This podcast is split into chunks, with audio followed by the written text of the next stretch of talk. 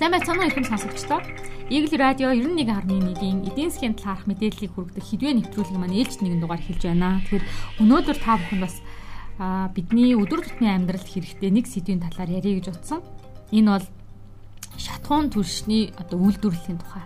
Тэгэхээр хэдхэн хоногийн өмнө бас Орос улбаны улс олон улстай холбоотой нэг мэдээлэл гаргасан нь бол зарим одоо газрын тос нийлүүлэгч улс орнууд руугаа нийлүүлж байсан газрын тосны экспортыгоо бол зогсооно гэдгээ мэдгдсэн. Тэгээд бидэнд ч гэсэн одоо бид зогсох юм болов Монгол улсад нийлүүлж байгаа нийлүүлэлт нь буурах уу, зогсох уу гэдэг ийм айдас бас болгоомжлол бий болсон. За мэдээж Оросын одоо засгийн газрын а эрх бүхий тийм ээ? Төрийн эрх бүхий одоо хүн Монголд айлцсантай холбоотойгоор энэ одоо асуудал хэсэг намжсан боловч ер нь бас ингээд энэ шатхуун түвшний асуудал цаашдаач эргэлзээтэй эрсдэлтэй хിവэр байх нэ. Дайн одоо ороод байгаа Орос албаны улсын хувьд гэхэл бас дотоодын юун төрөүний дотоодын үнийн асуудлаа, дотоодын шатхуун түвшний нийлүүлэлтийн асуудлаа хангах нь зүйтэй. Тэгэхээр ийм гадны одоо улсаас хараада байна гэдэг тийм ээ. Гадны улсаас шатхууны түвшний үед гэдэг энэ эдийн засгийн гол тижэл болдог энэ бүтээгдэхүүний үед ингээд стратегийн шинжтийн бүтээгдэхүүний үед хамааралтай хараат байна гэдэг ямар хэцүү вэ гэдгийг энэ жишээнээс ч гэсэн харж болно. Өмнө нь ч гэсэндээ бид маш олон ийм жишээтэй тулгарч ирсэн тийм ээ. Айл хэрвээ ингээд шатхууныхаа карантыг, түвшнийхээ карантыг хаачгал юм бол Монгол улсад нэгч машин явж чадахгүй болно барилга бүтээн байгуулалтын уул уурхайн хүн даацын ажлууд ингээд явах боломжгүй болно. Тэгэхээр шатхуун түвш гэдэг бол ийм л чухал ач холбогдолтой байдаг. Энийг бид нэг улсаас хамааралтай нэг улсын нөлөөнд байхаас илүүтэйгээр өөрсдөө үйлдвэрлэх нь бол маш чухал байдаг. За тийм учраас ч гэсэн Монгол улс баг 30 20 30 жилийн ярьж байгаа газрын тос боловсруулах юм үйлдвэрийн төслийг бод хэрэгжүүлж байгаа хэдийгээр энэ төсөл ингээд 2025 онд ашиглалтанд орно 2026 онд гэдэг ингээд ярьж байгаа боловч хэдийгээр ингээд хугацаа нь орох хугацаанд хойшлогдоод байгаа боловч ямар ч байсан энэ төсөл явсан. За ойрын жилүүдэд ашиглалтанд орох топ бол харагдаж байгаа. Тэгэхээр ерөнхий сайдын зүгээс их юм бол энэ төслийг хамгийн их удлаа гэхэд 27 онд ашиглалтанд оруулаа 2027 онд ашиглалтанд оруулах гэсэн юм одоо хугацааг бол даалгаад байгаа. Тэгэхээр яг энэ хугацаанд бол энэ төсөл ашиглалтанд орох товтой байна. За энэ төслийг ашиглалтанд оруулахын тулд Монголын инженерүүд, энэтхийн инженерүүд ингээ хамтраад ажиллаж байгаа. Олон улсын баг ер нь бол ажиллаж байгаа. За энэ төсөл ингээд ашиглалтанд орох юм бол Монгол улсын баггүй хэмжээний одоо шатхууны түвшний хэрэглээг бол хангаж чадна. За одоо бол ингээд Монгол улсын шатхуун түвшний хэрэглээг аваад үзэнгүүд баг 95% нь бол Орос улбаны ус 95 93 гэд сар болгоо өөрчлөгддөг. Гэхдээ нэг дунджаар нь 95%-ийг нь бол би дандаа Орос улбаны усаас авдаг. Тэгэхээр 95%-ийг нэг усаас хамааралтай байна гэдэг бол яа харахгүй санаа зовоос асуудлаа. Тэгэхээр энийг бууруулах юм зорилготой. За одоо энэ Дорногов аймагт баригдаж байгаа шатхуун газрын тосны одоо нефть боловсруулах үйлдвэрийн хувьд гэх юм бол жил дунджаар 1.5 сая тонн түүхий газрын тосыг боловсруулах юм хүчин чадалтай үйлдвэр. За энэ бол Монгол улсын хэрэгцээний бас багагүй хувийг хангах юм үйлдвэр байгаа. За энэ төсөл ингээд цаг хугацааны хувьд ингээд ашиглалтанд орох ойртохын хэрээр нөгөө талд нэг асуудал тулгарч байгаа нь бол энэ газрын тосны үйлдвэрийг одоо хангах түүхий эд маань ер нь яг энэ 1.5 сая тоннд хүрч байгаа юу гэдэг асуудал. Тийм ээ үйлдвэр барьцдаг гэтэл бидний нөгөө дотоодоос нийлүүлээд байгаа түүхий газрын тос маань дутагдвал бид нар ер нь яах вэ? Одоо ер нь бид хэдийг дотоодоос олборлож байгаа вэ? Тэгэхээр 2022 онд бол Монгол улсын түүхий газрын тосны олборлолт бол ойролцоогоор 400 мянган тоннд бол хүрсэн байна. Гэтэл бид одоо Дорногов аймагт 1.5 сая тонн түүхийд боловсруулах хүчин чадалтай үйлдвэр бариад байгаа. Өөрөөр хэлэх юм бол бидний газрын тосны түүхий олборлолт нь бол үйлдвэрийн хүчин чадлаасаа хэд дахин бол бага байна бараг 3 дахин баг 4 дахин баг байна. Тэгэхээр одоо бид нар олборлолтоо юм сайжруулах бол шаардлага тулгарч байна. За Монгол улсад бол хид хідэн олон тоглогч одоо газрын тосны олборлолт хийдэг олон тоглогч бол байхгүй. Та бүхэн мэддэг бах Петро Чайна Дачин Тамсаг гэдэг компани байдаг. Доншин гэдэг бас компани байдаг. Энэ хоёр компани бол одоо газрын засгийн олборлолтоо хийж байгаа. Нэмээд Петроматод компани бол олборлолтын эрхээ аваад байгаа. Гэхдээ Петроматод компани юу гэх юм бол олборлохын тулд мэдээж тодорхой хэмжээний бүтээн байгуулалтыг хийх шаардлагатай тэр талбай дээр.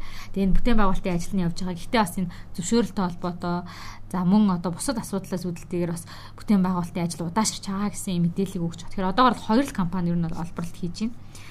За сүүлийн жилүүдэд ер нь бид хэдийг олборлоод байгаа юм бэ? За 2022 онд 400 мянган тонныг олборлсон юм байна. За сүүлийн жилүүдэд гээд аваад үзэх юм бол ер нь дандаа тасралтгүй буурч байна. Уг нь бид нар чинь дотооддоо газрын тосоо олборлоо дотооддоо үнийг боловсруулах гэдэг байгаа. Гэтэл нөгөө газрын тосны холбоорлолт маань ингээд 2005 15 оноос хойш бол тасралтгүй дандаа буурч байгаа. За 2015 онд бол бид 1.3 сая тонн газрын тосыг бол түүхийн газрын тосыг олборлж байсан. Үүнээс хойш ингээ буурсаар хагаад одоо 400 мянга төгрөөд байгаа. Тэгэхээр энэ олборлтыг нэмэгдүүлэх шаардлагатай. Хэрэв бид нар газрын тосоо ингээд дотоодоос олборлож чадахгүй бол гаднаас дахиад газрын тос аавна гэсэн үг. Тэгвэл ер нь дотооддоо ийм түвшний үйлдвэр барих, шатхууны үйлдвэр барих ямар шаардлага байгаа юм бэ тийм ээ? Дахиад нөгөө усаас хараат хамааралтай түүх хийдийн хувьд хамааралтай хിവэр байна гэж ойлгож болохоор энэ за яагаад ингэж олборлолт буураад байгаа вэ гэдэг асуулт мэдээж урган гарнаа. Тэгэхээр хит хитэн хүчин зүйл бол нөлөөлж байгаа. Зах зээлийн нөхцөл байдлууд нөлөөлж юм тийм ээ. За мөн одоо энэ Петрочны Дачин тамсаг гэдэг гол олборлагч компанитай холбоотой татврын маргаанууд За дээрэс нь та бүхэн ингээд нийгмийн хуудас сүлжээний цахим хуудасаар хардаг бол энэ компанийг эсэргүүцсэн иргэдийн олон нийтийн одоо маш олон ашиг сонирхлын бүлгүүд ингээд энэ компани үйл ажиллагааг эсэргүүцээд байдаг. Ингээд үйл ажиллагаанд нь саад учруулдаг. За мөн орон нутгийн удирдлагуудтай ч гэсэн ингээд удирдлагууд ч гэсэн одоо зөрчил маргаан үүсгдэг. За үүнтэй холбоотойгоор ингээд олборлолт нь зогсчод. Өөрөөр хэлэх юм бол энэ аж ахуй нэгж мэдээж энэ аж ахуй нэгж зарим талаар одоо Монгол улсын хууль тогтоомжийг зөрчсөн байхыг бол үүсгэхгүй Тэгээ энэ маргааныг шийдэх ёстой. А гэхдээ нөгөө тал дахиад энэ компани үйл ажиллагаанд ингээд саад учруулад байгаа нь эргээд Монгол улс одоо газрын тосны олборлолт хангалттай хэмжээнд хийж чадахгүй байхад бол хүрэж байна. Тэгэхээр энэ ном журмынхан дагуу энэ ажлыг бас хийлгэх шаардлагатай болж байна. За мөн энэ компани өөрөө ч гэсэн нэгэнт Монгол улсын засгийн газартаа гэрээ байгуулад ингээд ажиллаж байгаа нөхцөлд олборлолтоо өөр нэмэгдүүлэх шаардлагатай байна. За мөн одоо тухайн талбайгаас олборлож байгаа олборлолтоо түүхийн газрын засгийн олборлолтоо одоо сорчилж хэсэгчилж биш бүхлээр нь олборлох гэдэг юм. Аль аль талдаа, иргэд талдаа. За энэ одоо Монгол их орон ард түмэн нутаг ус гэсэн юм нэр барьсан бас юм эсэргүүцэгчд тэмцэгчд маш их очиж энэ компани үйл ажиллагаанд цаад учруулдаг. Тэгэхээр энэ талд ч асуудал байна. Дээрэс нь орон нутгийн удирдлагууд талд бас ингээд маргаанд энэ компанида маргаа үүсгдэг, хууль шүүхийн юм асуудлууд гаргадаг. Тэгээд за мөн энэ компани өөрөө ч гэсэн дотооддоо тийм ээ ингээд хит хитэн шалтгаанаас болоод ер нь олборлол зогсоод байна. За хэрвээ одоо энэ энэ байдлаар ингээд буураад байх юм олборлол буураад байна. За энэ байдлаар ингээд буурах юм бол 2027 онд ингээд шатхууны үйлдвэрээ ашиглалтанд оруулах гэдэг. Гэтэл нөгөө нэг түүхий тоснд байхгүй байх эрсдэлтэй болж байна. Тэгэхээр бид нар яа гарахгүй өнөөдөр Монгол ус үнэхээр дотооддоо тостой болох гэж л байгаа юм бол дотоод нефт шатхуунаа үйлдвэрлэлт тийм амбиц хүсэл мөрөөдөл монголчуудад байгаа юм бол бид нар газрын тосны салбар төсөл хэрэгжүүлэхийг бол дэмжих хэрэгтэй болж байна. Ийм шаардлагатай болж байна. Ер нь ингээд шатхуун төршөө өөртөө үйлдвэрлэе гэдэг хүсэл байдаг мөртлөө нөгөө талд ийм газрын тосны олборлолтын газрын тосны хайгуулын төсөл хэрэгжүүлэхээр хүмүүс тэр олохын дэмждэггүй зарим нь бүр эсэргүүцдэг тийм ээ компаниудын үйл ажиллагаанд саад учруулдаг ийм асуудлууд бол гардаг тийм ийм байгаа нөхцөлд энэ салбар өөрөө хөгжих ямар ч боломжгүй бид нэр дахиад нөгөө Орос албаны усаас хараад хамааралтай үнийн хувьд чанарын хувьд хിവэрэдэг За энэ газрын тас боловсруулах үйлдвэр бол маш сайн чанарын ийм түүхэ одоо шатхуун төршиг бол биднэрт үйлдвэрлэж өгнө. За бид одоо бол дийлэнхтэй дандаа евро 2 стандартын шатхууныг бол хэрэгжилж байгаа. Энэ бол одоо чадамжийн хувьд байгаль орчны нөлөөллийн хувьд бол ер нь бол бусад төрлийн шатхуунтай харьцуулахад тийм сайн биш тийм ээ.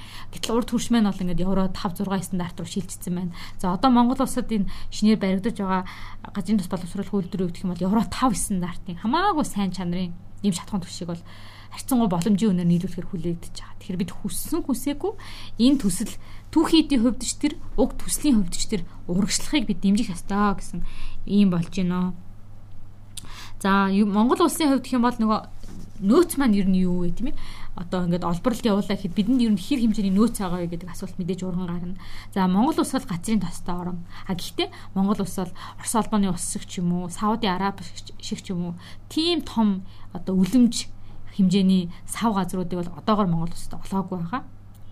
Тэр энэ олох магадлалаас бага. А гэхдээ чамлахаар чан гатга гихчээр Монгол улсад бол бидний хэрэгцээг эрх зуунд бол хангах хэмжээний тийм жижиг хэмжээний газрын төвийн сав газрууд бол байх боломжтой гэдгийг бол судлаачид хэлдэг.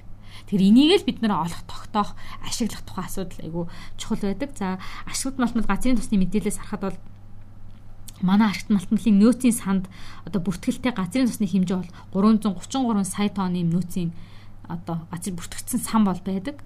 За гэхдээ энэ ингээд айгүй том сонсогдож байгаа боловч энийг бүгдийг ашиглана гэсэн үг бол биш. За ашиглын ашиглалтын баталгаатай нөөц гэж байдаг. Тэгэхээр бид нар бол энэ одоо нөөцийн санд бүртгэлтэй нөөцийнхөө нэг 13%-ыг бол ашиглахаар болж байгаа. За нөөцийн санд бүртгэлтэй яг ашиглах боломжтой нөөцийн хувьд гэх юм бол 43.4 сая тонн нөөцийг бол бид ашиглах боломжтой гэсэн юм тооцоо гараад байгаа. За үүнээс аа бид 2000 1996-аас 2021 оны хооронд ойролцоогоор нэг 9.5 сая тонныг одоо олборлоод экспортлж гэсэн гадагшаа гаргацсан. Энэ 43.4 саяас.